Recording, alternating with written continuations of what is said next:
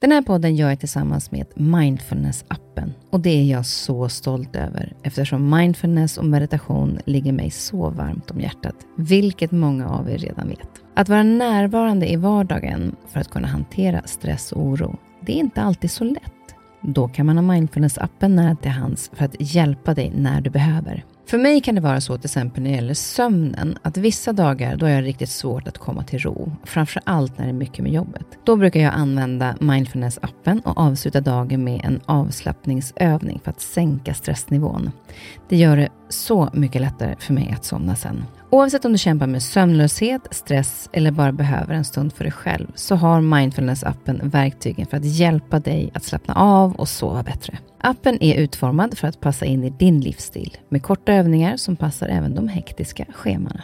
Som lyssnare till Nyfiken på så får ni 40% rabatt på prenumerationen av Mindfulness-appen. Länk till erbjudandet ja, det hittar ni i poddens Instagram, kaspersen nyfikenpa. Eller så går ni in på themindfulnessapp.com kristin. Välkommen till min podd Nyfiken på. Här får jag chansen att möta människor som jag är nyfiken på utifrån deras historia, kunskap eller erfarenheter. Människor som jag inspireras av och förhoppningsvis kan vi med det inspirera er. Och om ni gillar avsnittet får ni jättegärna dela det så fler får chansen att lyssna och det ger mig också möjligheten att få spridning på podden så att jag kan fortsätta länge att bjuda in människor till roliga och intressanta samtal. Glöm inte att du också kan gå in och prenumerera eller följa podden så missar du inte när avsnittet släpps. I veckans avsnitt gästas jag av smyckesdesignern och entreprenören Eva Attling. En karriär så lång med så många olika vägar av yrkesval. Eva slutade skolan i nian och valde sedan att jobba som modell och skribent, programledare, sångerska för att sedan landa i att designa sina smycken. Hon gjorde sitt första smycke redan som 11-åring och som 16-åring så var hon faktiskt inne på att bli smyckesdesigner och juvelerare. Men livet tog lite andra vägar först. Och visst har det blivit en lyckad karriär att hon satsade på just smyckena för de har sålts världen över och bärs av stora celebriteter. Hon har fått flera priser som Guldknappen 2010, Chefsgalans hederspris 2013 och Årets hederspris på Ellegalan 2018. I februari fyllde denna underbara kvinna 70 år. Och jag tänkte att vi skulle gå tillbaka och låta Eva ta oss igenom hennes liv. Hur hon beskriver sig själv som barn. Varför hamnade inte hon i drogträsket där flera av hennes vänner i ungdomen hamnade? Var kommer hennes drivkraft ifrån? Har hon reflekterat över sitt liv med möten som hon haft med så många världsstjärnor som hon mött på vägen? En fantastisk människa som värnar sitt privatliv och sitt varumärke på ett briljant sätt, tycker jag. En röd tråd tycker jag mig se genom hennes yrkesval, att förmedla budskap och det hon känner oavsett det gäller uttryck i bilder, låttexter eller i sina smycken. Ja, vi kommer in på det om en liten stund, för det här samtalet, det har jag sett så mycket fram emot.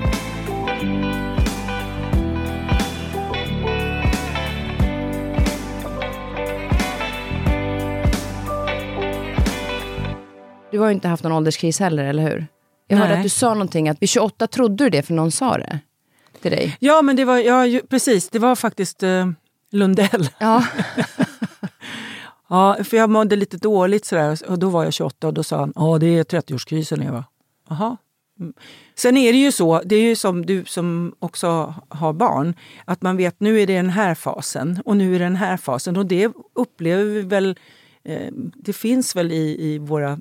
När man går vidare och man går igenom saker som blir mm, eh, som ett, en liten bry, brytning.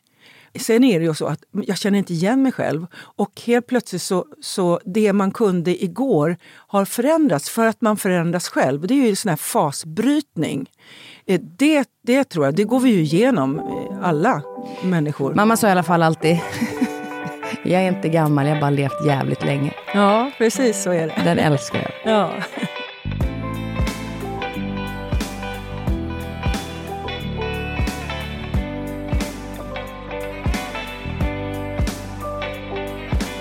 Eh, om vi tittar tillbaka lite grann då, så är du uppvuxen i Högdalen. Ja. Eh, fyra systrar. Mm. Eh, och, om du skulle beskriva dig själv som barn? Mm. Jag frågade min mamma varför har jag gått ett år i varje skola.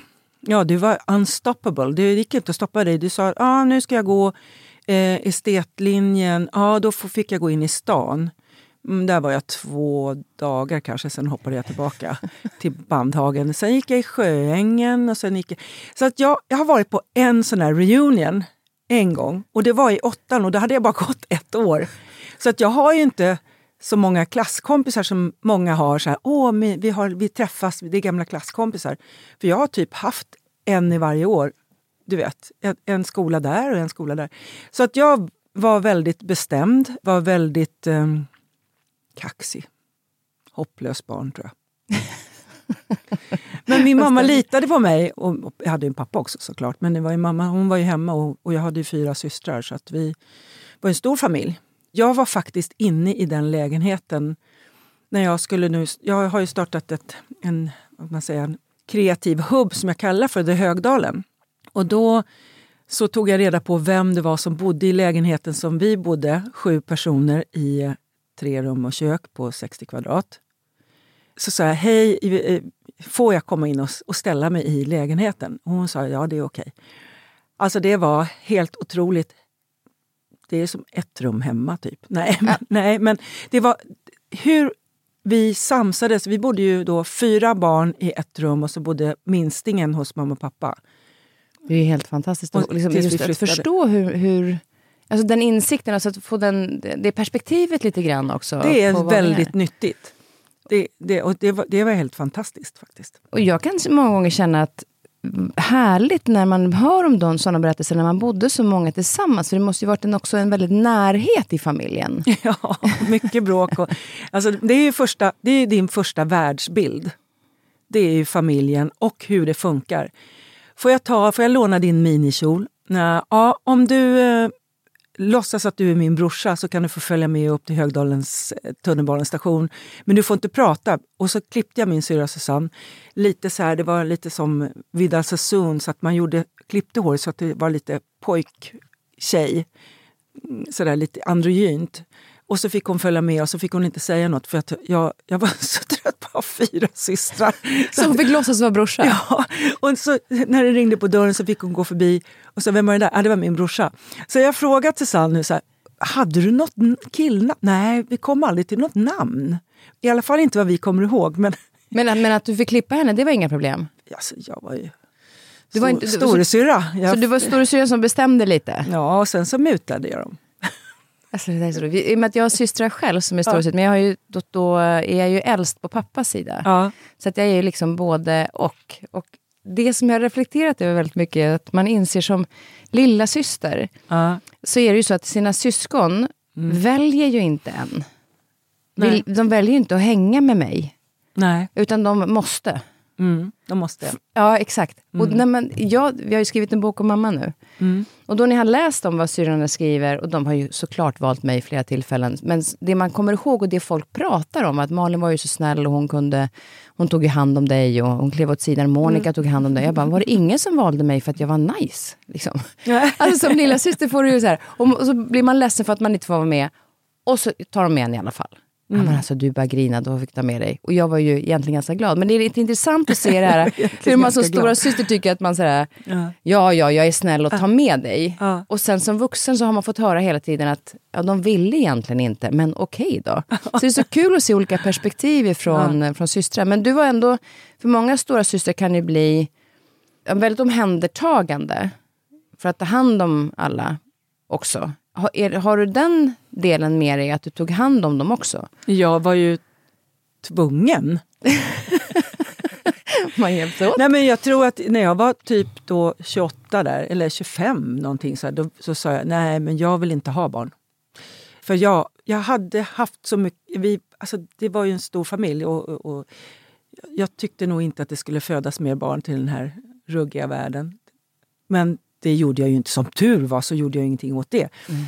Och eh, när jag var typ 33 började jag kolla på barnvagnar. Så var, åh, vad titta vilken gullig bebis. Sådär. Ja. Och då kom det. Men lite grann kanske för att du hade fyra systrar att ta hand om, så du hade haft väldigt mycket barn. Ja, precis. Du hade ju varit, ja. inte förälder, men omhändertagande mm. väldigt många år redan. Mm. Det kanske inte är så konstigt att man känner så en period. Nej. Men det var ju ganska stökigt ute i Högdalen också. Väldigt stökigt. Och det jag tänkte på lite grann nu, för nu har jag lyssnat en del eh, på en del intervjuer med dig och läst och så inför det här. Så dels så pratar du ju om att, att en släng av ADHD kanske. Jag kan ju prata om det som jag själv har ADHD. Ja, så, du har det? Ja. Ja. Jag har inte blivit utredd och jag, man får inte säga en släng. Jag har fått jättemycket skit för det. Jag har ju ett armband som, eh, som du ska få mig nu. Som du kan ha istället. kan jag ta ett nytt på jobbet. Här ska du få ett Vad är armband. det här då? Det står ADHD på den. Nej men alltså, Så den ska du ha. Det är ju Men helt gud, perfekt. Det här är väldigt spontant men det var nu väldigt när spontant. du, när du sa det så... Vad fint Varsågod. att du har gjort. Den här ska jag ta bild på och ska lägga ut den på Instagram som du ser. Men det, det, det, min pappa hade ju ADHD Ja. och, eh, och jag ser ju det också på mitt... Hur min, du frågade hur jag var som barn. Att jag bytte, jag vill inte stanna kvar. Jag har Eva-myror i byxorna i, i skolan och, och jag tyckte inte att det gick fort nog. Och, så jag ser ju... Men jag har en väldigt... Jag, jag, om jag har det så har jag det väldigt bra. För den energin som en ADHD-person har, den är ju fantastisk. Ja, det är ju, eh, nu vet, det finns ju många som har det väldigt, väldigt jobbigt med det. Men, Ja, men, absolut. men Men- jag tror också många gånger Ja. att det är också för att man inte blivit respekterad för den personlighet man har eh, från skolan eller hemifrån. Att man blev en jobbig unge. Men det var ju för att du trycktes in i en värld som inte passade din. Alltså lite grann som du pratar om, att du söker dig till andra skolor. För där kanske, Mm. omedvetet, kanske det är mer kreativt eller som jag är. Eller så, och så går man till nästa. Mm. Också det här med att man inte kan koncentrera sig kanske alltid så lätt. Eh, Så när jag lyssnade så tänkte jag just på det, så här, att ja, jag sätter ju absolut inga diagnoser, men eftersom du själv pratade om det så var det så här, check på den, Mm. check på den. Och också väldigt kreativ, tänker utanför boxen. Mm. Så att om, vi kan, om flera kunde få bli uppskattade för Mm. de sidorna som är sådana styrkor, så skulle det också bli så mycket lättare för Ja. dem i livet. Men däremot så är det också väldigt många som ha- hamnar i drogträsket. Som, som har, och det Mm. Självmedicinering, ja. Precis, Mm. och det var det jag var lite fascinerad över att du inte fastnade i, för du hade väldigt många kompisar som gjorde det. Mm. Vad var det som gjorde att du inte gjorde det, med tanke på också den, nu man vet att du har den ådra du har av ADHD? Ehm, så jag är oerhört positiv. Jag älskar livet. Jag är, och, och, och sen tror jag att min största drivkraft är nyfikenhet. Så att när jag var med mina kompisar som drogade jättemycket och även jag var ju i, i, i den svängen så ville jag nästa steg, nästa steg, nästa steg. Så att min bästa kompis som vi lovade att vi aldrig skulle liksom sätta en nål i armen och sen träffade hon en kille och så blev det så. Hon lever inte idag. Medan jag, det där, det där var ju tråkigt. Jag testar men jag, jag har den här drivkraften att vara, vad är det runt nästa hörna? Och, och, och vem är du? Men också hade du en mamma som litade på dig, ehm, som gjorde att du också kände en... För att hon visste ju hur busiga ni var. Ja, och om det var så att min pappa hade fått reda på det, då hade jag blivit inlåst som några kompisar. Då. Eh, Jag hade en, en kompis som, eh, när de fick reda på att hon var ute och rökte hasch och grejer, och så, här, då låste de in henne och det, det vart ju motsatt effekt. För att det, så här är det ju. Hormonerna styr så jäkla starkt när du är tonåring. Alltså det är bara och det, är väldigt, väldigt, väldigt starka eh, krafter. Och om du säger då att det där får du inte och sätter ett, ett stopp där, då, då blir det ju, kan det bli, verkligen bli en, en motsatt effekt. Och det, det såg jag så mycket. Just när man var 13, 14, 15. Och du var också ganska tidig i buset. Eh, Ja. Ja. men, men och det är också så här, jag vet inte om det är... Jag inbillar mig, och det kan inte jag, men att det liksom också tjejer har... Eh, det kanske är för att jag själv var ganska stökigt, alltså där, mm, busig tonåring. Och så har jag söner nu som har varit mycket... De har också gjort sitt, men de har varit mycket lugnare än vad jag var. Jag behövde inte liksom hävda mig på samma sätt på något sätt. Ute bland och- och vara med de här äldre coola. Utan jag, jag, jag var lite mer stökig än vad de har varit. Hur har du tänkt med dina egna barn? Jag har varit oerhört orolig. Kan jag säga. Jag har varit jätteorolig. Du vet, man har inte kunnat vänta förrän man hör nyckeln i dörren. Att man kan, då kan man somna när man vet att de kommer hem. Och, och Adam har gjort sina grejer och, och, och Simon har gjort sina grejer. Men, men jag har varit oerhört orolig för att jag hade den bakgrunden jag hade. Och knark är, det, det, är, det är skiten alltså. Det är verkligen skiten. Ja, det är den största oron. Jag är Det sån antidrogare så du fattar inte alltså. Ja, Du har ju sett så mycket också, så du vet ju hur fel det kan gå. Bara genom att, för vissa saker liksom är en inkörsport till det. Men det här är inte så farligt. Nej, inte nu. Nej. Men Men, det det, kan- det, är också så att jag har ju kunnat dra nytta av mina erfarenheter när jag öppnar butik till exempel och talar om för personalen så här. Den som ser ut så är heroinist. Han är väldigt, eller hon, det, det är en väldigt farlig drog för att det handlar om att man ska överleva om man inte får sin, och då blir man väldigt farlig. En människa som går på speed jiddrar, men inte så farlig. Och så, så att det, där, det, det, det där har jag lärt mig av mina, vad som, ja, min, min bakgrund då, alltså av mina kompisar och, och man vet hur droger funkar. Mm.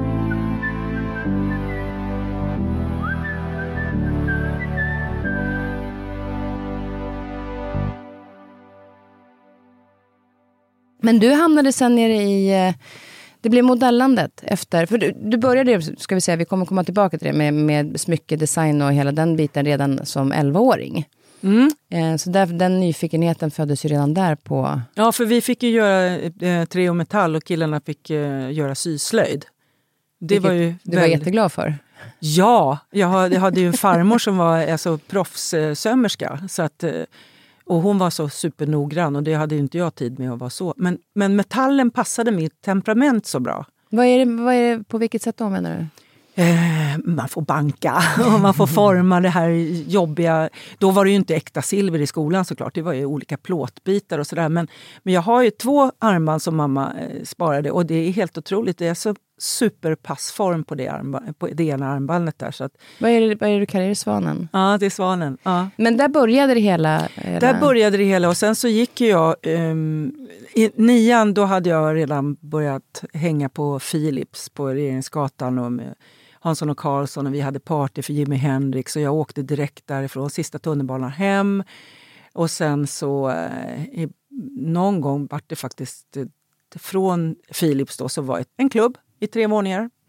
Och skitkul. Och eh, då var ju jag 16 och eh, då kände jag nej men det här med skolan det var ingenting för mig. Och så hade pappa en kompis som var silversmed på Snickarbacken 1. Han och eh, Bengt Liljedahl som jag sen fick lärlingsplats hos.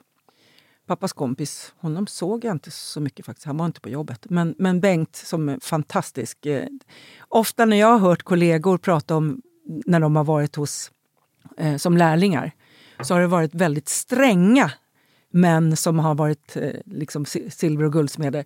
Men Bengt var fantastisk. Så att, eh, Vad gav han dig som du har tagit med dig genom livet? eh, verkligen en vänlighet att ja, du gör ditt jobb här. Man, man cyklar iväg till, eh, man måste få kat, eh, så här kattfotstämpel på guld, eh, i guldet på den tiden, det behöver man inte ha nu.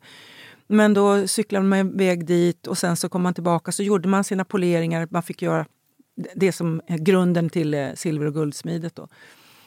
Och jag kanske fick 75 kronor i månaden där. Det var så här, man behöver ju inte få betalt som, som lärling. Då.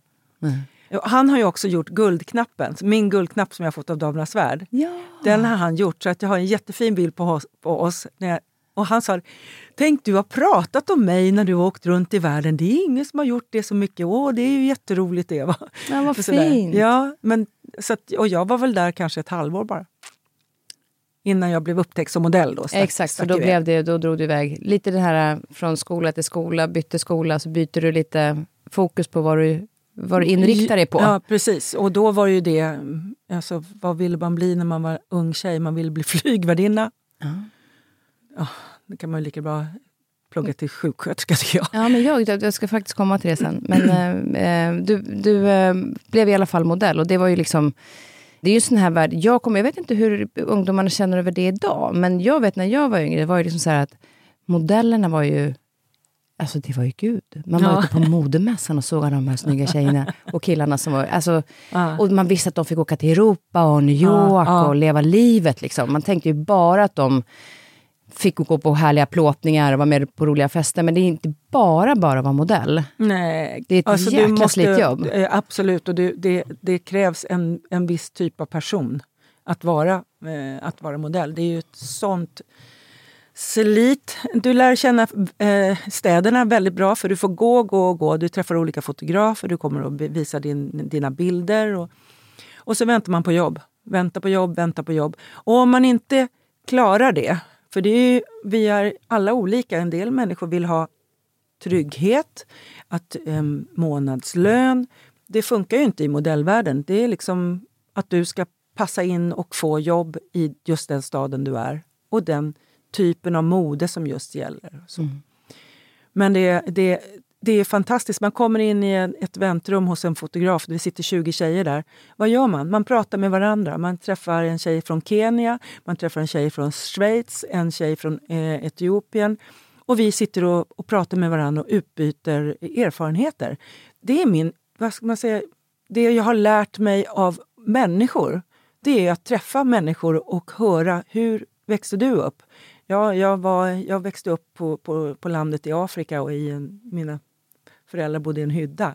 Ja, jag bodde i en liten hydda i Högdalen. Nej, men så, så det, det är det som jag tror att eh,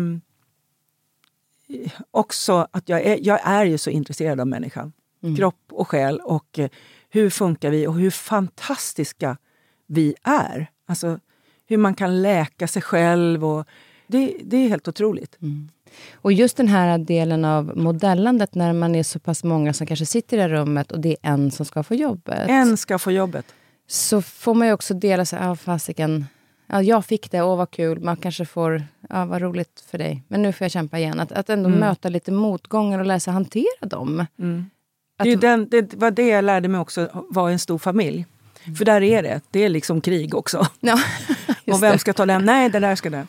Eh, eh så att jag säger det att de som inte har, kan ta det här nejet blir det ju väldigt knäckande. Att du blir, du blir refuserad. Äh, du får inte det här jobbet och du fick inte det där heller och du fick inte det där heller. Och det, många kanske tar det personligt istället för att det kanske är, ja, men det är inte rätt, exakt rätt stil. Det kan ju vara så många andra parametrar mm, som spelar mm, in i en sån där mm, casting. Mm. Att det ska bli rätt personlighet. Och du kanske mm. har bättre personlighet för det här mm, jobbet. Men att, att många, de som tar det för personligt orkar kanske inte hela vägen. Nej. Men du var i Europa ett tag. Ja, du åkte hem eftersom du åt så mycket bullar, men du åkte ja, tillbaka. Min pappa var konditor, förstår du. Men när jag kom till Paris så var det ju liksom helt nya grejer. Vad var favoriten? Alltså, i Paris var det, det, det som gjorde att jag verkligen... För det första så fick jag ingen, inte så mycket jobb. Och eh, så var jag på middag på, mm, på Maxim med en, en galen konstnär. Och eh, där fick jag flamberade bananer. Så sen började jag köpa bananer och flamberade själv i smör hemma. Och med lite konjak på så flambera.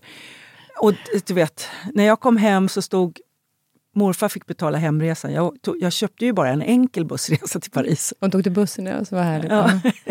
och sen så åkte jag tåget hem och då stod mina föräldrar och väntade på perrongen och bara såg inte mig. Och jag, hade, jag hade, var alldeles rund i ansiktet så de kände inte igen mig. Och sen, de tyckte att jag såg ut som Mary Pickford. När, Vänt, ja, där är ju Eva. Ja, oj, vad annorlunda oj, vad har hänt? Ja. Vad har hänt? Ja. Men, men du åkte tillbaka sen?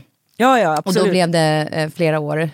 Men jag var ju så ung så det var ju liksom babyhull. Ja, också. exakt. Så att, eh, ja, men eh, sen åkte jag ju hela mm. världen runt kan man säga. Mm. Och sen hamnade du också i New York. Så hamnade jag i New York och det var ju egentligen planen från början för jag träffade Eileen Ford i Stockholm. Hon åkte ju hit en gång per år bara för att titta på svenska tjejer och svenska tjejerna var ju så bra. Och det, det är vi ju såklart. Då sa hon att jobba i Europa, så, så var det alltid. Fixa bra bilder, jobba i Europa och sen kan du komma till New York. Och den där boken, Malin, min syster, jobbade som modell ett tag. Ja, ja, så hon ja, hade ju sån där bok. Och så hade hon fått hem en extra bok, så då började jag fylla i bilder och låtsades hemma att jag var modell. Nej, vad gulligt. Ja, det var lite, oh. Så den där boken, oh, den, den var väldigt så här, den var så speciell för man skulle ha mm. nya bilder till den, hörde jag henne säga hela tiden. Ja. Mm. Men, men i New York också, så, det jag tycker är så fascinerande när man hör om ditt liv, du har redan nämnt så här, Jimi Hendrix, det är att du träffar ju så otroligt många människor. Mm. Alltså namnkunniga människor som är såna stars. Mm. Förstod du det då? Alltså så att, oj, här sitter jag med... Ja, vilka var det nu i New York du träffade? Var det där du blev tillsammans med trummisen? Nej, det var i, i det var London. när du kom tillbaka sen va? Mm. Ja. Men, men, och den, den tror jag var den jag är ju musikälskare och min första stora kärlek var ju Beatles. Och George Harrison var min Beatle. Och sen den kvällen vi hade varit ute på Glastonbury eh, och det är en stor festival i, på sommaren i, i England. Och jag hade hängt bakom scen med några kompisar. Och eh, sen åkte vi till, till Tramps som fortfarande existerar, en klubb, nattklubb.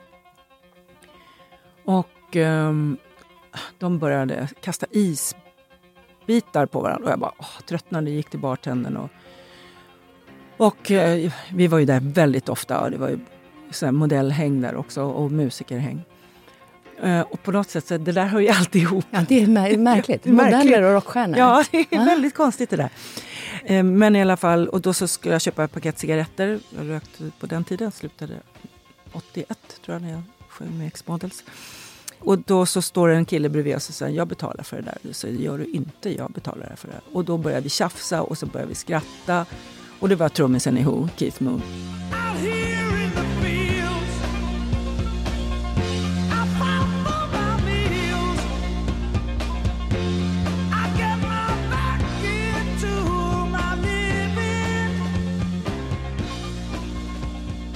Men då kommer en annan kille fram och säger så här, här eh, vad var det det hette? Eva? Ah, Eva, this is George. Och där står jag med George Harrison och jag håller på fruktansvärt bara dö.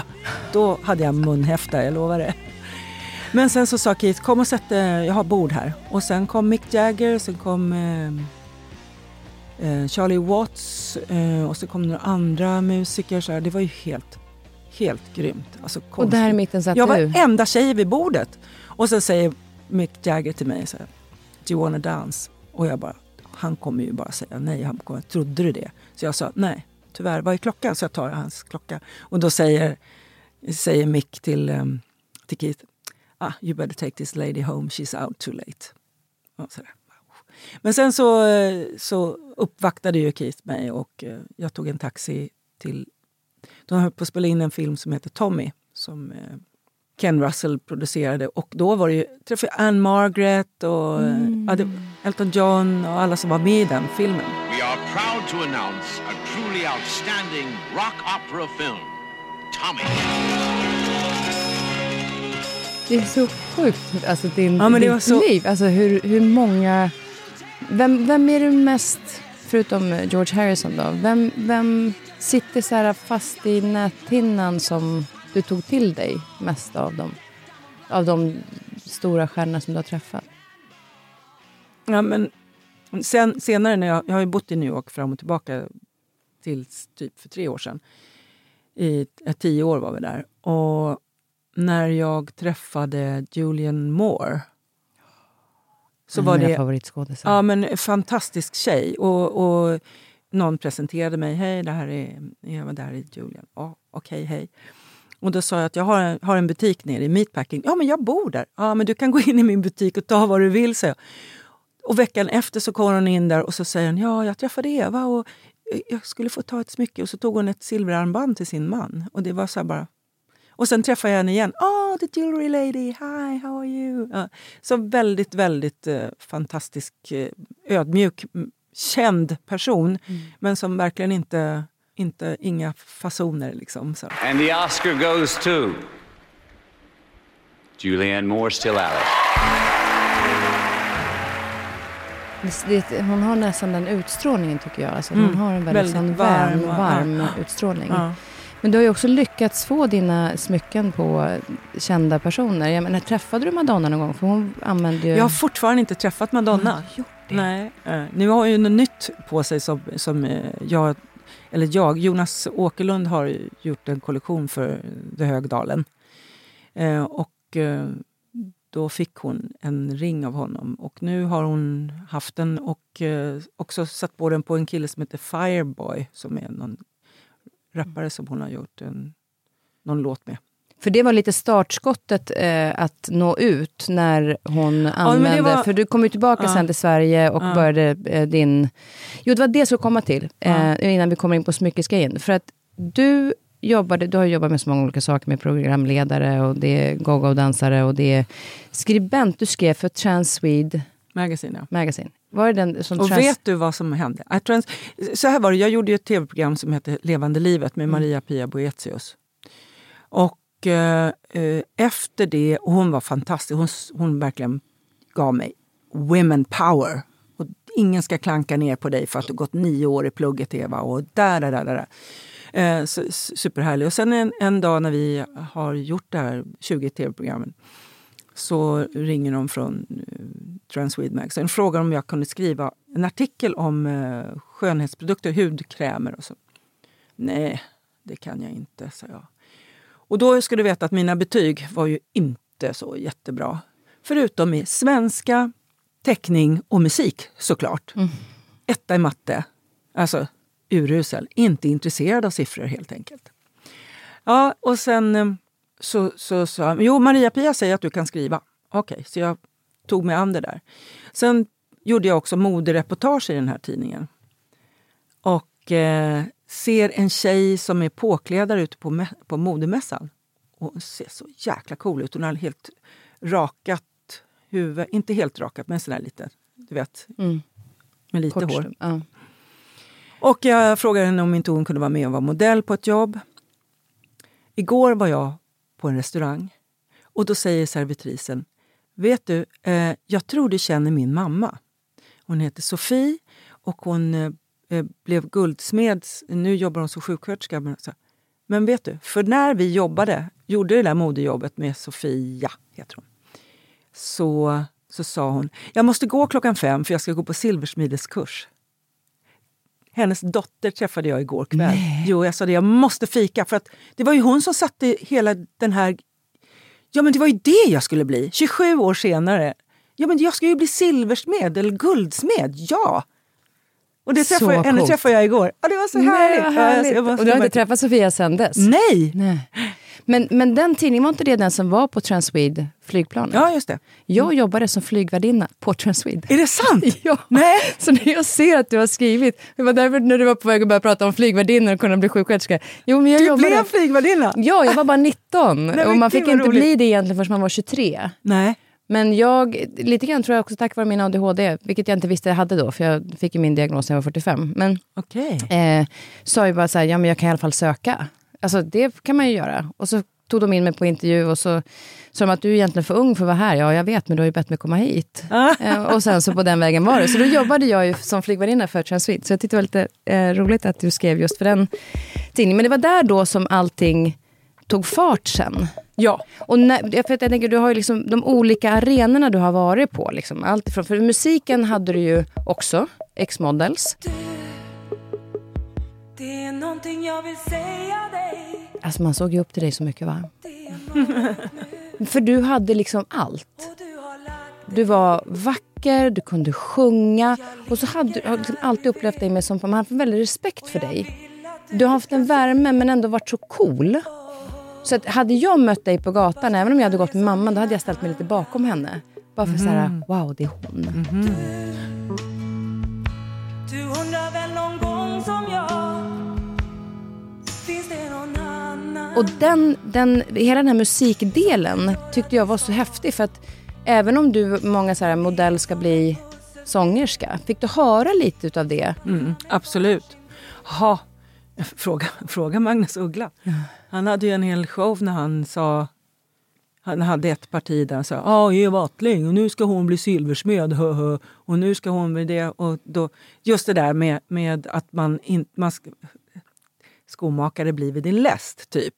Där, den har ju jag ingen respekt för överhuvudtaget. Jaha, vill du att jag ska göra det? Ja, men det kan jag väl göra.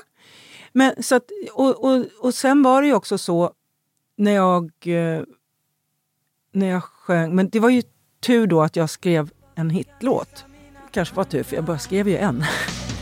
Det finns bara en av mig och det är jag Det finns bara en av dig och det är du Det finns bara två av oss Ja, det är så häftigt att det blev en, en svensk klassiker.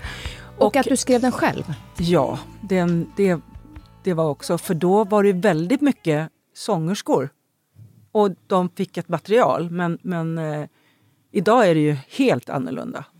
Men vad har, det, vad har det betytt för dig att få jobba med musiken, att få ha gjort modellandet, gjort alla de här olika... För det tycker jag är så otroligt inspirerande. För hur gammal var du när du började silversmed eh, där på Folkuniversitetet? Var jag 43 kanske? Alltså jag tycker att det är så coolt, för det är så, det är så inspirerande. Och jag, inte det här som med ålder, jag älskar vilken ålder man än är i, men det jag tycker är så inspirerande är att det är aldrig för sent. Nej, men här, Titta på vad vi har. Vi har Folkuniversitetet och eh, vad heter den andra rörelsen? Där man kan, alltså, du kan ju göra allt det där. Tänk dig så många människor som har blivit nedtryckta hemma och då sagt du ska inte göra det där, det där ska du inte göra. Och, ja, ja, ja. Och, och inte fått det självförtroendet. Och sen kanske ändå när man... Jag vill verkligen boosta människor att gå på en skulpturkurs. Gör, eh, för, prova på träslöjd eller silversmide. Eller, gör det där. Och sen så, om du har drömt om det, och så kanske du upptäcker nej, nej det, jag har inte riktigt det. Då kan man ta en annan kurs. Men det är ju fantastiskt att ha det. Alltså, jag har ju boostat Folkuniversitetet så mycket för att det gav mig en helt ny karriär kan man ju säga att det gjorde. Eh, verkligen, och en väldigt, väldigt lyckad karriär. Och det som jag också tycker är fint är i, som jag tycker att det är, och jag vet, du får rätta mig om jag har fel, men jag tycker att det är som en liten röd tråd genom ditt liv när man har lyssnat och läst så mycket om dig. Det är ju att du har en, en, en vilja och en förmåga att uttrycka saker, vad du känner. Alltså så här, och både i modellandet så är det väldigt mycket uttrycksform med bilder och du ska ge en känsla. Eh, samma sak är det inom musiken, där du uttrycker dig i text. Och nu i sil- och med dina smycken så är det mycket uttryck och det finns hela tiden en mening med dina smycken. Mm. Stämmer det att du har ett behov av att få säga saker? Absolut, absolut. Jag är ju inte den tysta musen som sitter inne långt in i hörnan. Det är jag inte. Och jag är väldigt direkt och så ibland så är jag väldigt för direkt och snabb. Och eh, idag så kan jag i alla fall be om ursäkt direkt. Och säga oj, där var jag lite för snabb. Men, och det är så. Eh, Otroligt spontan. Eh, och kan, det är ju också bra om vi pratar om ålder. Och då, det som är bra att bli äldre det är att man kan man har fått en självinsikt som är att oj, det där var inte så bra. Men sen måste jag också säga att Eva har en stor del i hur jag är idag. På vilket sätt då? För att hon säger sov på saken. Vänta lite. Och jag, jag speedar upp henne och hon drar tillbaka mig. Så det blir väldigt, väldigt bra yin och yang. För jag tänker, du, när du började då med, med Folkuniversitetet och gick in på den banan kring med smyckesdesigner så blev det ju en annan arena som, där du inte har publiken längre på samma sätt. Hur var det? För det är ju många som har jobbat väldigt publikt och fått den här bekräftelsen av publiken. Att sen gå in i ett rum och sitta i, liksom i din verkstad, hur var det? Och där kan jag koncentrera mig. Visst är det konstigt? Där är jag superkoncentrerad. Jag har hållit på... Jag skulle göra min... Jag fick en, en plats i, ute i Kärrtorp av en jätteskön eh, snubbe som sa du kan sitta i vår källare för vi har en plats där. Och jag gjorde hela min första bröllopskollektion. Jag kämpade och kämpade och de tyckte vad är det för... Du vet, vad är det för någon brutta som kommer från storstan här liksom och tycker ja, och kändis är hon också. Ö, så här. Men sen så fick jag respekten för att de såg hur jäkla hårt jag jobbade. Och jag höll på och jag kämpade med mitt guld och, äh, och, och verkligen stångades mot metallen. För det gör man ju liksom med, med metall. Men det är fantastiskt när man har lycks, lycks, lyckats, lyckats tämja den. Men, men eh, vad var frågan? Ja, men just att byta arenan till att sitta inne och inte Ja, få kanske så, ja. bekräftelsen från publiken. Ja, men det får man ju. Det är ju fantastiskt. ja, att sen, den är inte så direkt. Nej, den är inte direkt, men, men jag, för mig så... Ja, men som, som, det, var, det var ju superkörigt när jag åkte upp till någon guldsmedsbutik uppe i, i Hudiksvall kanske. Och så kommer det in en kille som ska intervjua mig. Så, och det där hade man ju varit van vid som, som artist. Ja, eh, hon som skulle skriva det här, hon var upptagen. Eh, jag skriver sport, vem, vem är du? Ja, det är klart att du, du säljer smycken, du är ju kändis. Uh, ursäkta mig, ska du förringa min, min publik eller liksom mina, mina kunder? De, de betalar mycket pengar för det här. Och, och det är också den där grejen med att, ja, vem tror du att du är? För att du är ju kändis. Ursäkta mig, men jag har ett yrke här nu som jag... Eh, och, och jag skapar det här. Och, och sen är det ju upp till människor att tycka om eller inte tycka om. Men också från, från mu musiken till smyckena och det här som du nämnde att jag vill säga saker. Det är ju att jag, sk- jag skrev ju musik, jag skrev texter och efteråt, efter en spelning så kom, kom människor fram och sa så här, precis så där som du sjunger, så känner jag men jag kan inte uttrycka det så. Det är därför musiken är så stark. Det är den billigaste psykologen du kan ha. Alltså, du kan sitta hemma och gråta om du har blivit lämnad eller om du är olyckligt kär eller så, så kan du få utlopp för dina känslor med musiken. Och det är alltså den billigaste psykologen du kan ha. Det är det. Men jag kan också, eh, för jag eh, lyssnade när du pratade om att hur mycket musiken betyder för dig. Just det här med att man, liksom, att man kan känna igen sig. Eller, men jag vet ju också i perioder när jag har lyssnat, om man har varit olyckligt kär, och lyssnat på de här låtarna som bara tar ner mig mer och mer. Och jag blir ännu mer olyckligt kär för att jag lyssnar på den typen av låtarna. Och då kommer jag på tricket att lyssna på lite gladare låtar. Som också, för jag kan inte ta ner mig själv. Och det, den är så fin nu sen när mamma gick bort.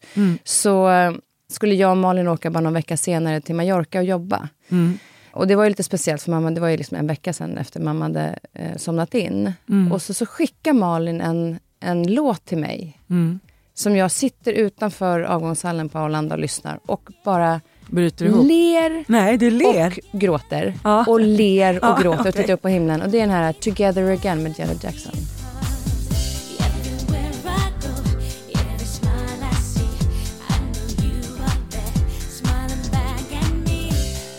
För då blev saknaden ljus. För hade jag fått en låt som hade varit, då hade jag liksom blivit ännu mer ledsen och ännu mer tung. Och det är också fint med musiken, att så här, hitta någonting som hjälper dig upp.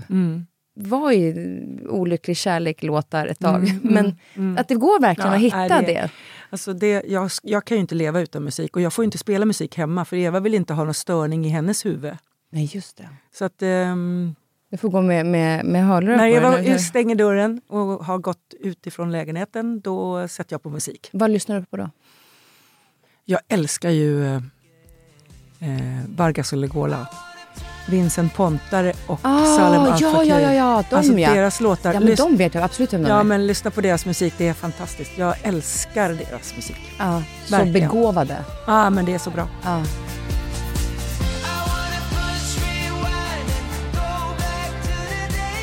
Och det är lite 70-tal och det, jag känner igen mig i det och ändå så är det nu. De är skitbra.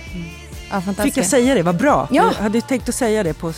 Du ville veta någon låt men... Ja, men, men en sak som jag tänkte på som jag inte vet om det, för att när man har tittat till exempel på många idrottare som lämnar sina arenor och slutar sin karriär och inte får applåderna längre, så mår de ganska dåligt och så vidare. Ehm, så det kan ju vara en tuff omställning. Nu har ju du hoppat mellan så många olika karriärer, men jag får ändå känslan av, och det är kanske för att jag får den frågan själv, men att du gör det här för att du älskar jobbet och dela med dig av någonting. Det är inte bekräftelsen i sig från publiken kanske, utan det är mera...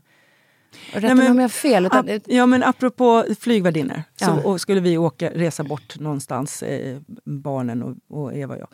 Och så kommer det fram en flygvärdinna och så säger hon Hej, kan inte jag få din autograf? Och då Simon är liten så säger Mamma, du är smyckesidol. Gud. Men så att jag får ju, eh, jag får ju, sen gör jag väldigt mycket grejer. Nu är jag ju eh, ansikte, ambassadör för, för Lancome sen ett och ett halvt år. Nu har jag skrivit på nytt. eh, Och det, det är jättekul och jag, jag tycker att det är roligt. eh, Jag, jag, är- mina, alltså jag är fotomodells... Det där har jag ju i mig, så att jag tycker att det, är- det är roligt att plåta. Ehm, Jag eh, spelar in, in inför varje Inför varje kollektionssläpp så gör jag en liten film som mina återförsäljare kan eh, kan se och lära sig av vad, vad betyder det här. Så pratar jag om hela kollektionen. Ja, det här är så och så. Nu, och det här är ju så häftigt. Nu gör jag ett samarbete med Världsnaturfonden. Så jag har gjort ett armband som är Rädda haven, fiskarna, Nej, korallerna. det är. Och sen är det bina, för utan bin så kan vi inte få mer växter och så. Och eh, Antarktis som smälter och regnskogarna som skövlas. Så att det, Ja, men det, är ju finns så- hela tiden en sån Ja, betydelse. Det är så himla ja, fint. Ja, men det, det, och, och det är väl också det här med att jag vill förmedla. Jag vill liksom Mm. ha kontakt med och, och jag vill eh, belysa kan man ju säga. Som det här med, med eh, det här armbandet är ju liksom Save the Planet. Och, Och det tycker jag är så fint att ni som, eh, som offentlig person, att man också, inte tar ett ansvar, men att det man brinner för, att man förmedlar. Vet, Quincy Jones eh, har jag ju haft förmånen också att träffa. Eh, jag har en mamma- bild på Quincy, När vi- Barbro och mig. Ja, och det, är på- jag som har tagit den. Är det? Ja, den är ju så När vi fantastisk. sitter hemma hos innan Ja. Polarpriset. Men vad skulle du säga? Jo, men han gjorde ju ett armband med alla religioner. Ah, Han har ju ett, jag ska visa bild på det sen. Ja. Han har ett armband med alla tecken för de olika religionerna. Ja, ja, för han sa, vi är på en och samma jordklot. Så vi lever tillsammans. Vi måste se det så. Ja. Så det finns ju att, Ja, att, att du. Den lyfter jag fram den. här. Ja, jag ska den. visa den. Jag har bild på den. Eh, men men så där finns ju så mycket. Och om man då tittar på alla de här budskapen som du då, för det är Beauty with a thought.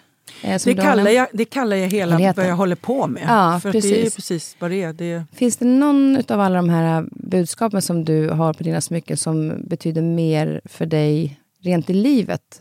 Eh, som har förändrat, som har betytt någonting som, typ som ett tips eller som du har tagit med dig? Ja, em, först vill jag bara säga att en av de absolut första smyckena som jag gjorde när, när jag började igen då, efter, ja, för 26 år sedan, eh, det är Hope. Den är ju så aktuell idag. Eh, med Hope, liksom med Ukraina som håller på att förstöras av, av eh, en vidrig man. Men Amor, en, eh, Amor Fati tycker jag är härlig. Det är det du menar va? Mm, nej, ja, du, du får ta den och så finns det en till som jag Ja. menar. Men Amor Fati kan Amor. Fati är som jag tycker är att vi har fått det här livet, det är upp till dig att göra det bästa av det. Och, eh, eller mig. Eh, och det, det tror jag är också en...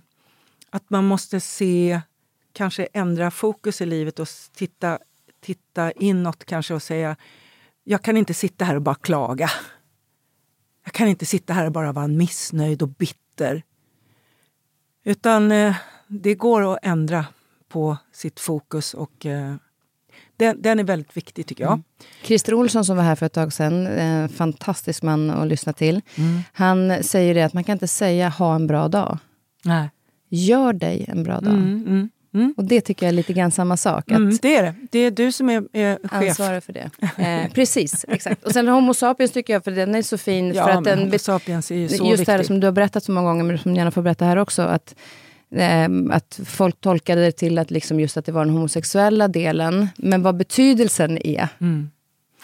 Den tänkande människan. Exakt. Homo sapiens betyder den tänkande människan. Och det var ju det som, som Madonna verkligen fattade. Hon, hon, hon fattade ju det. Så att hon, ja, hon tappade den och ville ha en, en till. Kostar, vet du, jag har sagt så här, den kostar 690 kronor från början. Och då har jag sagt, den ska kosta 690 kronor tills jag dör.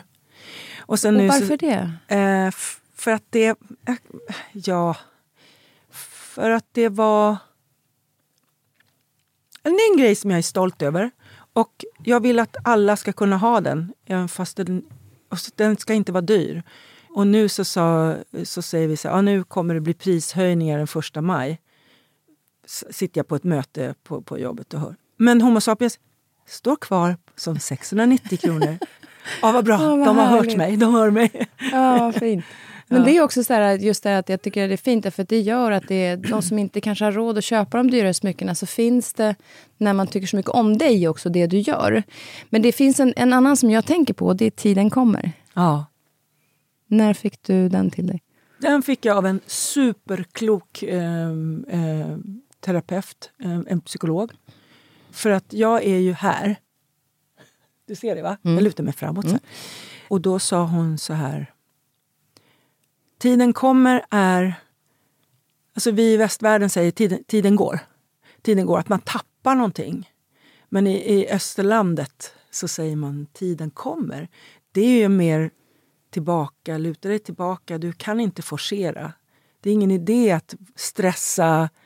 Utan tiden kommer. Jag måste ta upp, jag måste göra något nytt smycke med det. Det är den faktiskt roligt, för sägningen. att jag, mitt första smycke som jag fick eh, Ah. är det här ja, den, armbandet Tiden kommer. Ja, och den, fick jag inte min längre. dåvarande man innan vi skulle gifta oss. är det Eh, sant? Ja.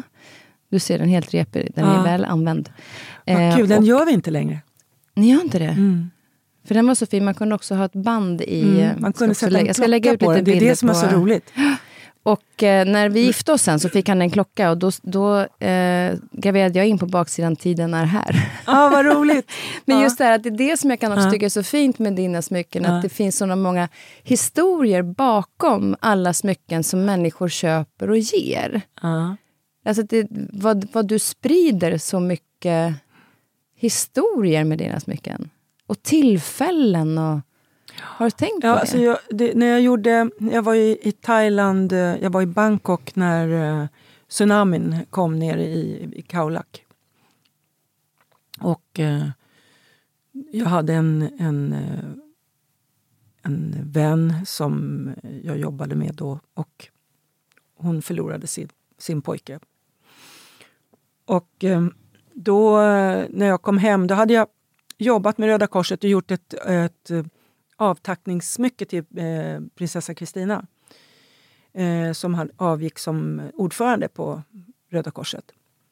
Så jag ringde dem när jag kom hem och sa att jag vill göra en, ett eh, smycke för er och samla in pengar så mycket som möjligt till Kaolak och till, till alla de som hjälpte till. Och, och det var ju, alltså thailändarna var ju fantastiska.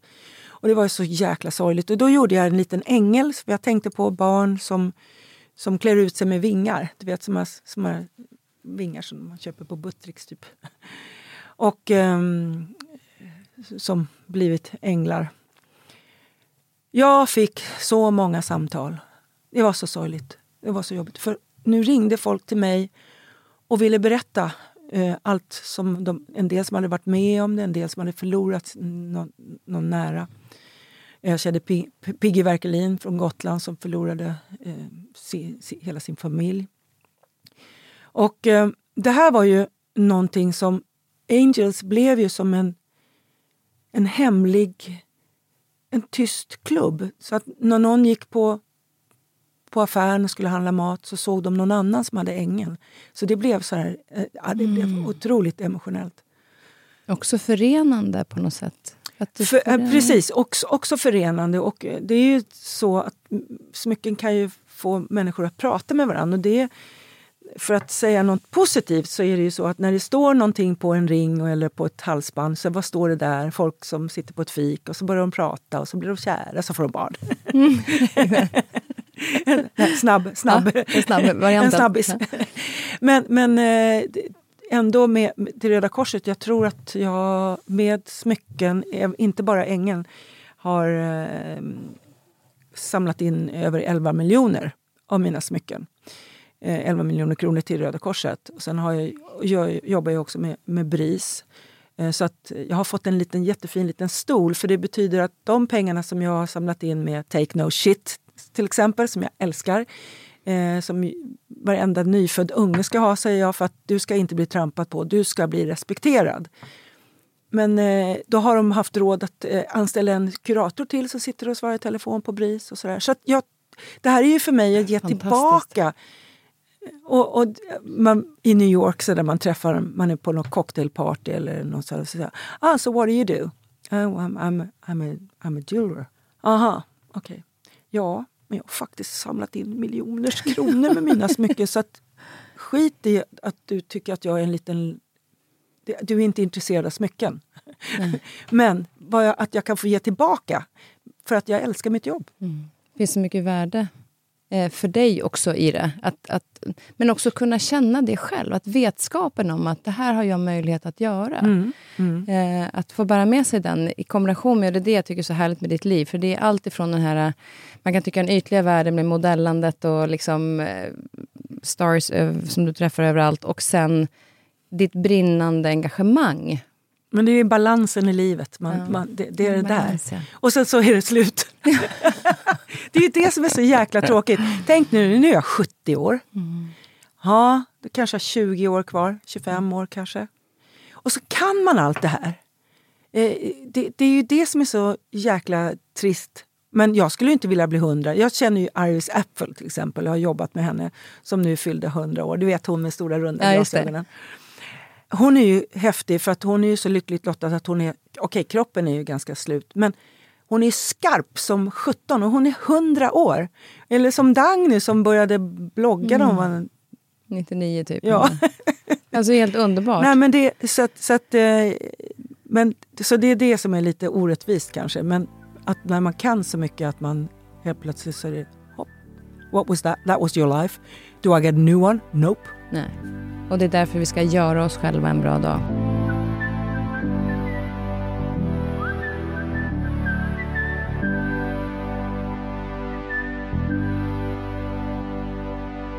Men din drivkraft är ju enorm. Alltså, så att, du, för att, alltså, he- att hela tiden ha den här, kanske är lite ADHD kanske i bakgrunden i det. Men din pappa var ju också, du, när du var yngre så var det så här, jag ska lite visa pappa. Absolut. Ja. Men, men vad, vad tror du är liksom din drivkraft till att göra alla de här sakerna? För du driver liksom, ditt bolag går ju fantastiskt bra. Du är en entreprenör som heter duga. Du kunde inte en siffra matte.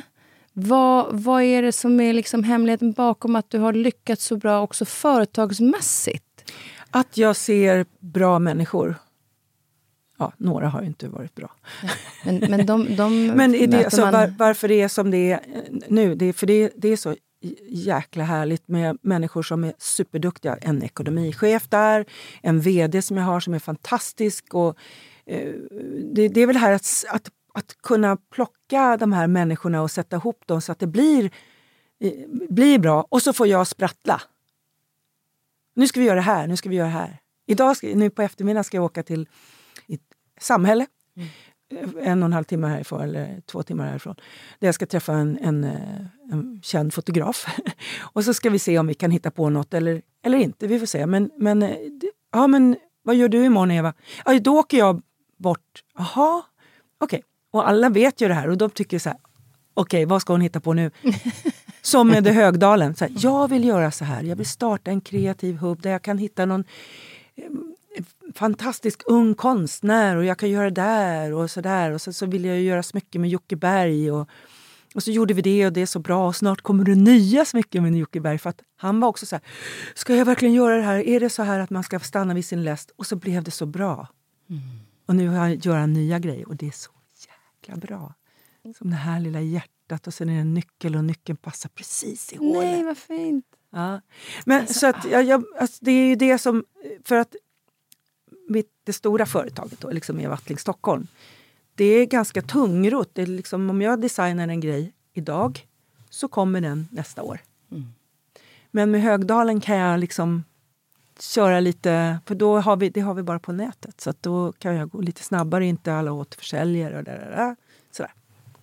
Ja, Men då en- blir de lite, "Ha, vad ska hon hitta på nu då? Eh, lite läskigt är det.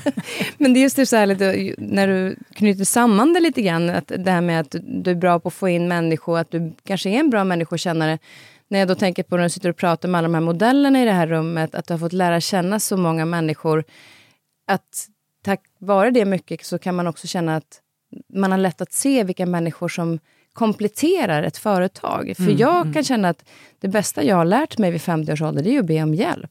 Alltså att ta in folk som är och jag förstår inte varför jag var så kan själv när jag var yngre. Jag fick liksom bekräftelse i det kanske, men, men att be om hjälp och att någon som kompletterar det jag inte kan, det är ju fantastiskt. Ja, det är då man verkligen kan göra någonting.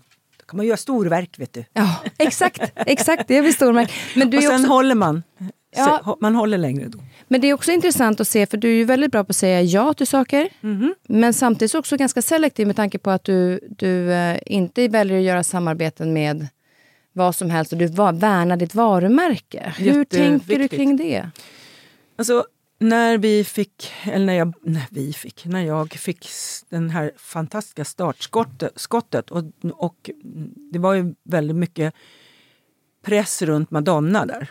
Så sa jag att jag vill bara vara, i en stad så vill jag bara ha en återförsäljare. Där hade jag kunnat sagt, okej, en kille kanske hade gjort det. Jag vet inte. Ja, Ja. Eh, det, kanske. Det här med liksom att okej, nu går det bra här. Då hade inte jag funnits kvar idag. Utan jag har varit selektiv och det gör ju också att det blir en... en åtråvärd produkt. Att inte, du, kan inte köpa det överallt. Utan jag, jag, jag, tror, jag tror, alltså varumärket det är så viktigt för mig. För det är också så att du går in i, med glasögon och du har gjort glas och du har hittat liksom Mm. olika sådana samarbeten. Hur känner du att du får den här... pa- För du har ju en väldigt passion för saker. Men jag gör ju bara vis- saker som jag tycker är, det här kan jag ge mig in på.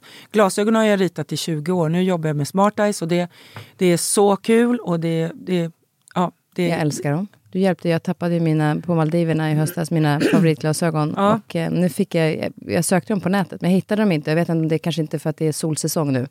Men nu har jag dem igen. Ja, vad bra. Ja, Ja, men det är jättebra. Och det är, det, är väldigt, väldigt, eh, det är väldigt roligt. Det är otroligt svårt för du har ju två ögon du ska jobba runt. Glas eh, jobbar inte längre med Orrefors utan nu ska jag börja jobba med ett annat glasbruk och det är så kul. Jag gjorde en Beatles-kollektion för en massa år sedan och nu så ska vi göra den igen efter den här. Har du sett Get Back? Nej, jag har inte gjort det. Nej, men gör det. Alltså, det känns som du sitter med Beatlarna där. Och de bråkar lite. Och det är så. Det är, det är fantastiskt. Det är sex timmar. Men eh, jätte, jättehärligt. Eh, och eh, jag har gjort ett smycke som heter Here comes the sun. Och den har Olivia Harrison, alltså George Harrisons fru. Eh, alla Beatlarna får ju, de som är kvar, får, får ju smycken av min kollektion som jag gjorde förut. Och så köpte hon sen eh, två. Ja, men det måste också vara här fint kvitto på Ja men att det, blir- det, är, det, du vet, det, det är bara jag som kan sitta och bara Det här är så häftigt. Jaha, säger någon annan 24-åring på jobbet. Jaha, är det där viktigt? Ja, för mig var det viktigt och det är så häftigt.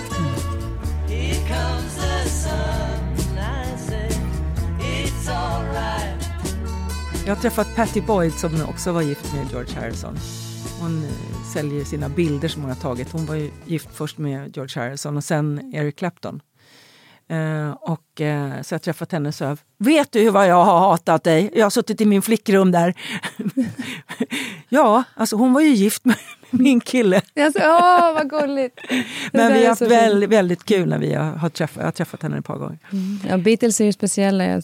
Vi har precis kommit ut med mammas eh, bok och där är det ju en bild med henne och Beatles. Ja. Hon lärde ju dem att dansa twist Ja. eh, precis innan de eh, blev stora. Så hon, hon ångrar sig ju bittert att hon aldrig tog en autograf.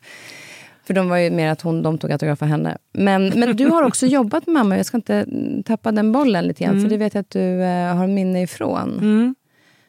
När var det? 70, nå- någonstans på 70-talet. Vad minns du från den? Jag tror att det var efter X-Models. Nej, det kanske var på 80-talet då. Ja, Mm. ja det var det.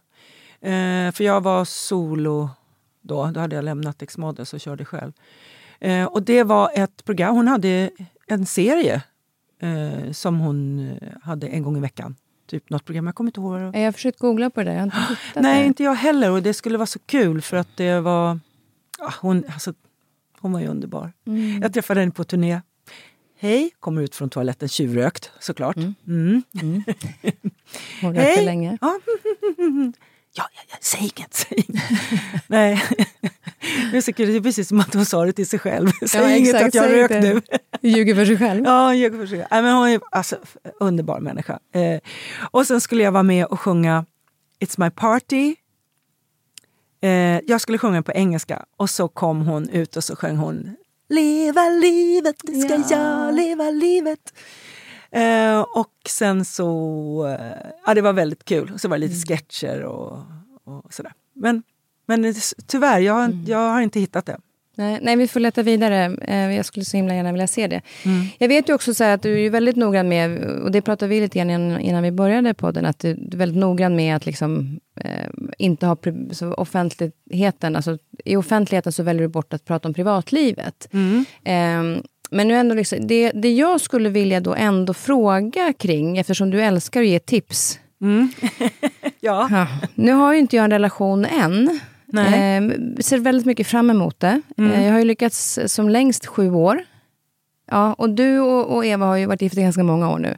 Du var inne på det lite grann att det är yin och yang. Vad, vad skulle du, den dagen jag nu träffar den här fantastiska mannen som jag vill leva med. Vad ska jag tänka på i relationen för att få den... För att göra det bästa för att få den hållbar?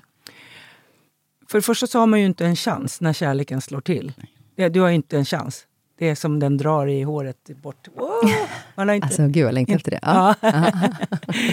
Nej, men eh, jag, jag tror ändå att um, alltså det, där, det, det kommer ju naturligt. Mm. Jag vet att vi pratar mycket om hur, det jag kände igen mig i som jag blev så här, åh vad härligt. Det är ju Mm. eftersom jag är då lite som du, eh, väldigt snabb i mm, svängarna, att någon som håller en tillbaka lite så här. Vi brukar säga marinera det.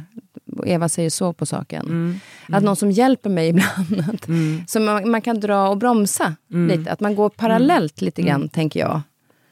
Och eh, att man inte står i vägen för varandra. Mm. Gör, är, det, är det så för er att ni, ni står bredvid varandra mer än att ni står... Ja, absolut. Och sen tror jag att man måste vara, man måste vara ärlig och man måste vara... Alltså det, det är i, hemma, i din liksom skyddade eh, hem, alltså det privata privata, måste, måste man vara ärlig mot sin partner och säga nej, jag tycker inte att du ska göra det där faktiskt. Jag frågar Eva om allt. Och hon frågar mig mer nu än vad hon gjorde i början. Och sen, eh, alla har vi olika intressen. Eva läser eh, tidningarna typ två timmar per morgon. Och sen får jag en resumé. Det är så jäkla bra.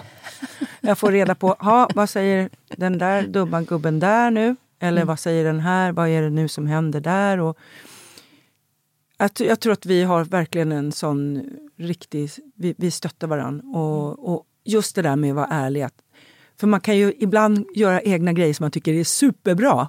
Och så ser man på... på Ja, okej. Och då kan man kanske formulera om någonting. Eller om jag gör en intervju till exempel. att Nej, men det där, det där, det där är inte bra. Utan, inte för att hon frågar mig så mycket om såna grejer faktiskt. Och, och Men man får någon som ser det lite grann utifrån när man själv eh, har gjort någonting. Ja, för att det är ju så att man är, det, det, man gör, man är oftast nöjd.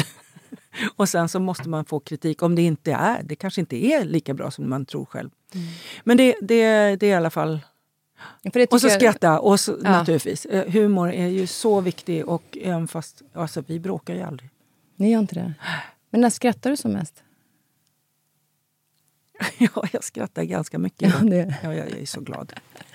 Men jag vet, jag, Oftast glad. en, en tanke som slog mig när du sitter och berättar, det var när jag dansade eh, i Let's Dance med Kalle Sterner. Mm. Så sa han till mig vid ett visst tillfälle när jag körde och blev arg och sur på mig själv, eller vad det var, så sa han att vi gör det här tillsammans, Kristin. Du behöver inte göra det här själv. Mm. Och så förklarade han dansen att man följer varandra, Mm. eh, man lyssnar in varandra.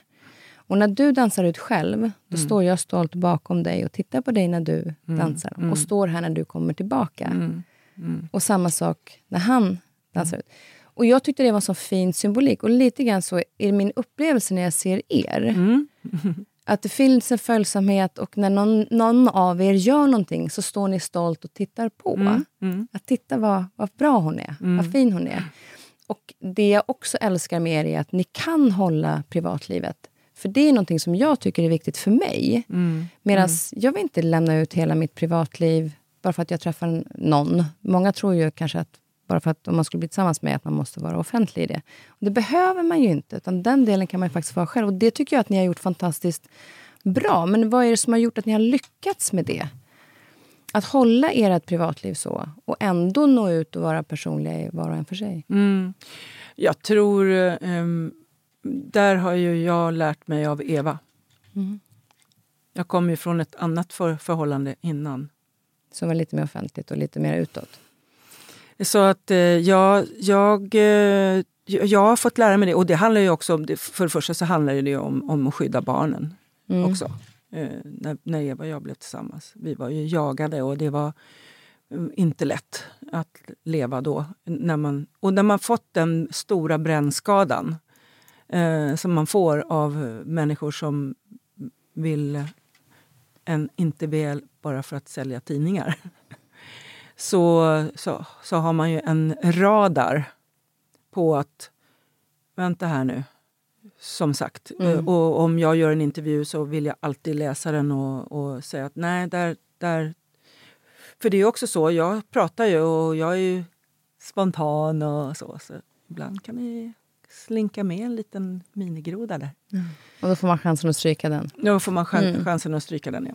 Ja. Eh, så att jag tror ändå att det handlar om att... Eh, det finns, jag har ingen skyldighet att visa vad jag gör hemma. Jag har ingen skyldighet. Det här är mitt liv och det är jag som styr det livet. Så långt jag kan. Men det kan man ju inte alltid. Det kan ju komma en, en groda liksom som hamnar på, på i skvallerpressen eller någonting. Som, och sen är det ju också så att när, när man gör en intervju så kan det vara tre strofer ur, ur en, en mening som blir en helt annan mening när den sätts på... Ja, du har ju säkert råkat ut för det själv, eller hur? Ja, men i ett annat, när det sätts i ett annat sammanhang. Ja. Ja. Mm. Men det är en, en, eh, en förmåga ändå att kunna, liksom, och där tycker jag att ni har gjort det väldigt, väldigt bra. Och att man ändå får möta, för jag brukar säga det så här, om det står en skylt på en väg där det står privat väg, Ja. då går du inte in där. Nej. Och det respekterar de flesta. Ja. Men om, om en offentlig person säger det här är privat, så finns det ändå så här, fast du har ju valt att vara offentlig. Ja. ja, just det. fast jag har fortfarande min privata Ja, väg. ja, ja. Och låt mig ha Ja, den. det finns ingen skyld, man har ingen skyldighet.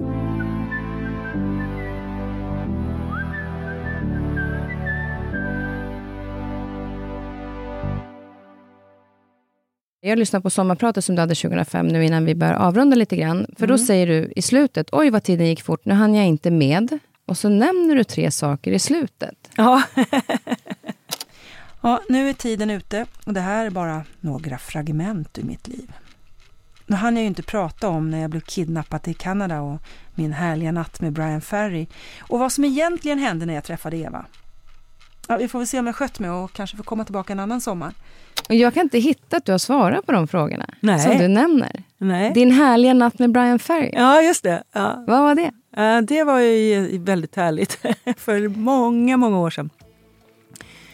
Ja, men då, då hade jag varit, gjort någon tv-grej tror jag. Jag vet inte, 17, jag har gjort så mycket konstiga saker.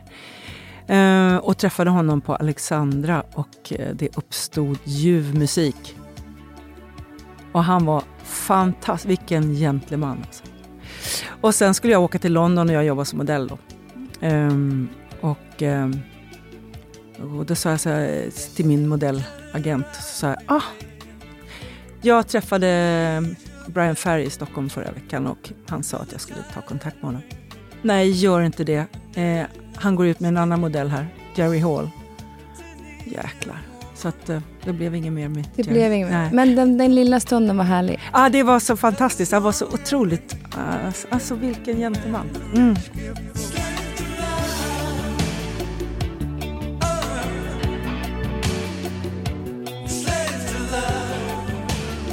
Jag har träffat honom en gång efteråt och då skrattade jag bara. Liksom. Ja. Ja, Och sen nämnde du att du kidnappat i Kanada.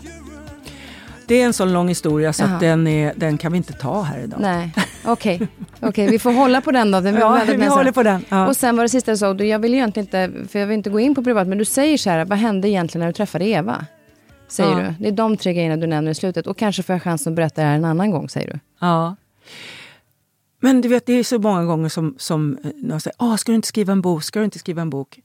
Alltså, jag kan inte skriva en bok. Jag tror att det blir en Netflix-serie faktiskt. Ja, ja, kan jag säga efter att ha lyssnat på alla de här fantastiska historierna genom ditt liv. Ja, men det är så, alltså, jag har gjort så jäkla mycket roliga grejer. Och hemska grejer också. Mm. Men jag tänker för att du måste ändå syfta till någonting som du ändå kan berätta eftersom du säger att du kan berätta och jag vill inte fråga frågor om dig och Eva men vad Nej. hände egentligen när du träffade Eva? Fanns det något speciellt roligt minne du pratar om då när du säger att jag kanske kan berätta det sen? Nej, men det som, det, jag tror att det är precis som jag sa till dig, att när kärleken slår till så har man inte en chans. Det är liksom, okej, I surrender. I surrender. Det var det som hände. Ja, det var det, som hände. Vad är du själv nyfiken på? Nu har vi mm, kommit in på mycket men... Ehm, men jag, jag är ju alltså, jag är så nyfiken så att det, jag får lägga band på mig ibland när man träffar människor. Som, jag träffade en tjej häromdagen och sa ja, ska du flytta nu? Och då hade jag tänkt att hon, hon skulle flytta på, på alltså sin business. Medan hon trodde att jag visste att hon skulle leta lägenhet. då fick jag, jaha, och då fick jag, jaha, men vem är du tillsammans med nu? Säger jag följdfrågan. Och så fick jag reda på jättemycket saker. Och det är ju det där med, som du gör nu, du, sätter, du frågar en sak och sen så blir det, det går vidare så får man reda på något helt annat, eller hur? Det är så Det- roligt. Ja, det är så roligt. Det, det finns en anledning till att min podd heter det den gör. Ja, ja alltså, det är precis. så roligt. Nej, men jag är naturligtvis nyfiken på eh, hur jag ska reagera när jag kommer få se Franklin som kommer att bli min första barnbarn Mm. eh, i Sydney i Australien. Eh, det kommer ju bara... Jag vet när min syster Susanne blev eh, mormor första gången för jättemånga år sedan. Och hon bombarderade mig med bilder. Jag sa jag orkar inte se några mer bilder på ditt barnbarn och min släkting. Kommer jag bli likadan? Jag kommer säkert bara Jag tror det. gråta och sådär. Ja, man kommer ju... Alltså mina kompisar börjar få barnbarn nu. Ja.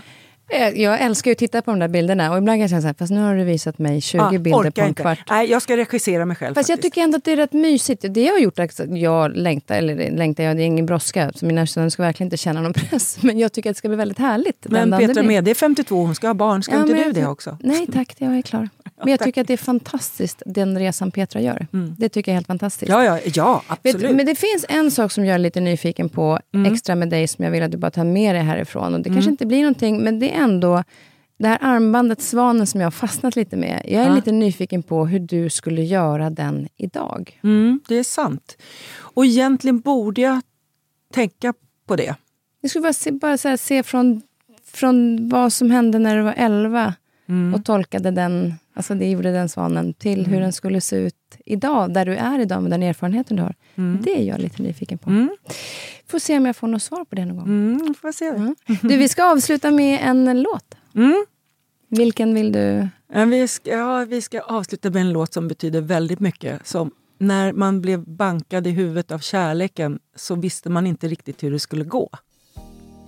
Och det här är verkligen också ett tips till människor att If I can't make you love me. Och det måste vara två människor som ska vara kära i varandra. vet. Mm. Jag älskar den där låten också med Ja, Bonnie den är- Riot. Den är helt Alltså, fantastisk. Bonnie Raitt, vi såg henne i, i New York eh, på en, en spelning. Och man visste ju inte, alltså, den här låten har hon skrivit för hundra år sedan. Hon kanske inte spelar den längre. Åh, det var sista låten hon spelade. Åh, vad man dör! Men är den inte fantastisk? Ja, den är helt fantastisk. Och hur många gånger man inte... Alltså, nu har det varit några gånger där jag kanske har älskat någon och den kanske inte älskat mig tillbaka. Ja. Och man vill ju inget hellre. Nej. Vad fan, jag kan inte göra någonting åt det. Nej. Jag kan inte det. Nej. Så den är ju fantastisk den här låten. Så vi avslutar med, avslutar med den. Och stort tack Eva för att du kom hit. Ja, alltså men så det- härligt att se dig och tack för allting du gör och hur du inspirerar mig och så många andra. Ja, men vad härligt. Och du är ju en sån härlig person. Och du är så lik din mamma. Jag är det va? Jag blir så glad när man säger det. Det är den bästa komplimang man ja. kan få. Ja, det är det. det är Så gör dig själv en fin dag. Mm. Och tack för att du kom hit. Jag ska göra det. Tack. Tack.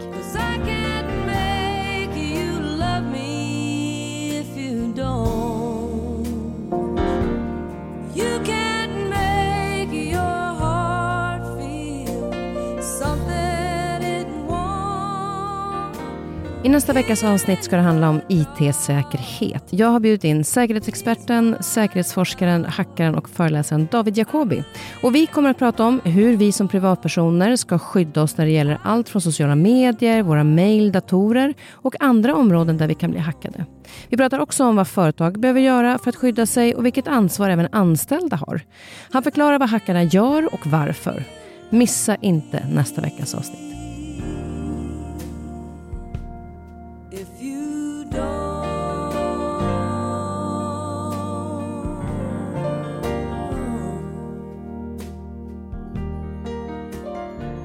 Här podcasten är producerad av Perfect Day Media.